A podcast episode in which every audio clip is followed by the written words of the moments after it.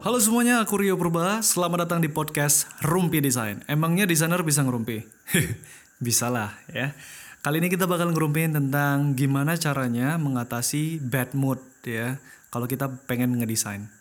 Atau kalau bahasa sehari-harinya pertanyaannya banyak yang nanya seperti ini. Kalau nggak mood ngedesain, itu kita harus ngapain? Ketika aku buat seminar ya dipanggil ke universitas ataupun ke organisasi atau dari komentar di sosial media itu juga banyak sekali yang menanyakan tentang hal ini teman-teman. Kalau menurutku, ya menurut pendapatku, jawabannya jawabannya simple. Ini cuman alasan cuy. Ini cuman alasan pembenaran bahwa desainer tersebut ya bisa dikatakan malas atau nggak niat bekerja pada project tersebut sehingga alasannya lagi bad mood, lagi nggak mau ngedesain gitu. Sebenarnya kalau kita pekerjaan kita adalah seorang desainer, itu nggak ada alasan. Nggak ada alasan kalau kita tuh bad mood apa tidak. Masa iya nanti kita ada klien datang, gimana Mas Rio, apakah projectnya udah selesai? Maaf Bu, seminggu ini aku lagi bad mood, lagi nggak nggak nggak mood ngedesain gitu. Yang iya itu kliennya pada protes ya kemudian minta balikin duit cuy kalau kayak gitu. Misalnya nih kita datang ke bank atau ke konsultan atau ke notaris itu kan mereka memang kerjanya mereka sebagai konsultan atau datang ke bank ke tellernya ya pekerjaan mereka ya sebagai teller di bank gitu. Ketika kita datang terus kita minta dilayani kalau misalnya kita konsultan ya berarti mau pengen konsultasi pengen membuat apa gitu. Atau kalau kita datang ke bank ya kita pengen menabung atau pengen narik uang terus nanti tellernya tiba-tiba bilang maaf pak uh, ini lagi tellernya sekarang lagi tutup.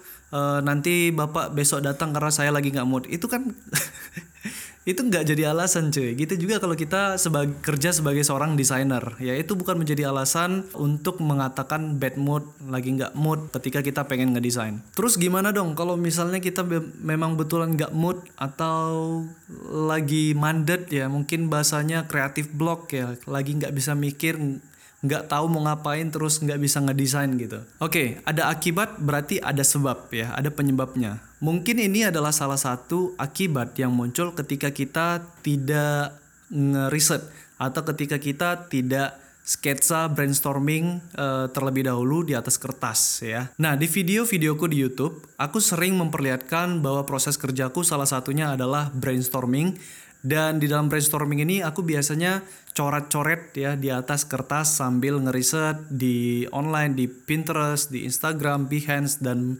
situs-situs lainnya. Nah, jadi di atas kertas ini di dalam proses brainstorming, aku coret-coret tuh segala macam ide yang berhubungan dengan project dari yang sedang aku kerjakan, yang sedang aku garap. Misalnya, let's say kita bicarain project logo ya. Nah, di dalam project logo ini setelah proses briefing ke klien, itu biasanya aku memakai 1 sampai 2 hari itu full untuk sketsa ide di atas kertas. Dan itu sketsa idenya di kertas itu bisa di mana aja. Bisa di kantor, bisa lagi nongkrong di cafe sambil dengerin musik, sambil cerita sama teman, atau kita lagi di rumah duduk di teras sambil melamun gitu.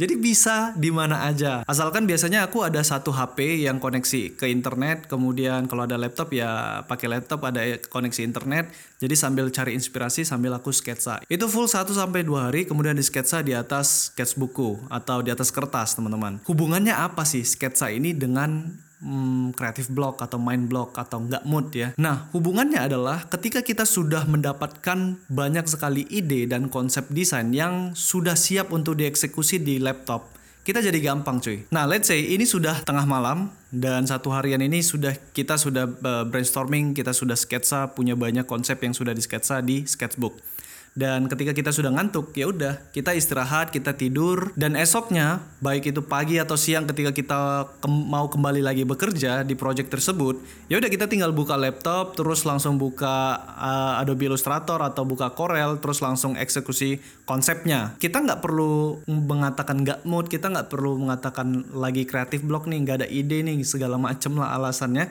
Karena konsepnya tuh udah tinggal eksekusi cuy. Sudah ada di sketchbook. Mau kita itu tinggal satu harian mau kita tidur mau kita jalan-jalan itu besoknya ketika kita kembali mau kerja lagi itu konsepnya sudah siap dieksekusi. Jadi nggak ada alasan lagi itu mau kreatif block atau nggak mood lah ya.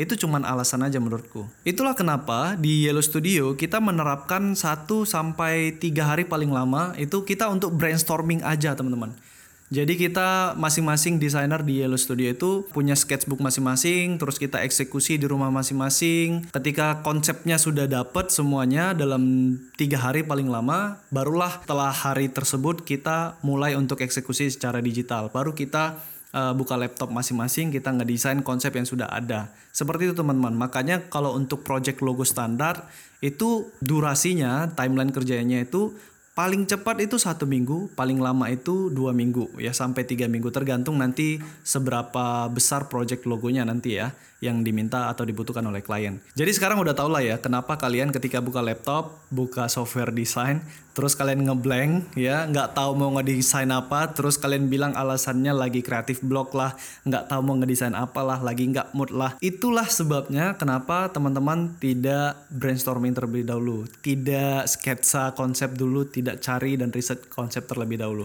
kalian langsung dapat project atau langsung dapat tugas ngedesain langsung eksekusi di di laptop. Ya nggak jalan cuy. Itu bisa satu jam dua jam sampai satu harian itu buka Adobe Illustrator itu tapi kosong tuh. Pernah ngerasain nggak? Buka Adobe Illustrator tapi itu satu harian kosong aja tuh. Nggak bisa nggak ngedesain apa apa nah sekarang udah tahu kan gimana cara menghilangkan ketidakmutan kalian dalam ngedesain atau kreatif block dalam ngedesain? Sekarang beli buku sketchbook kemudian mulai brainstorming. Jangan lupa support dan dukung podcast Rumpi Design Design di rumpidesign.com.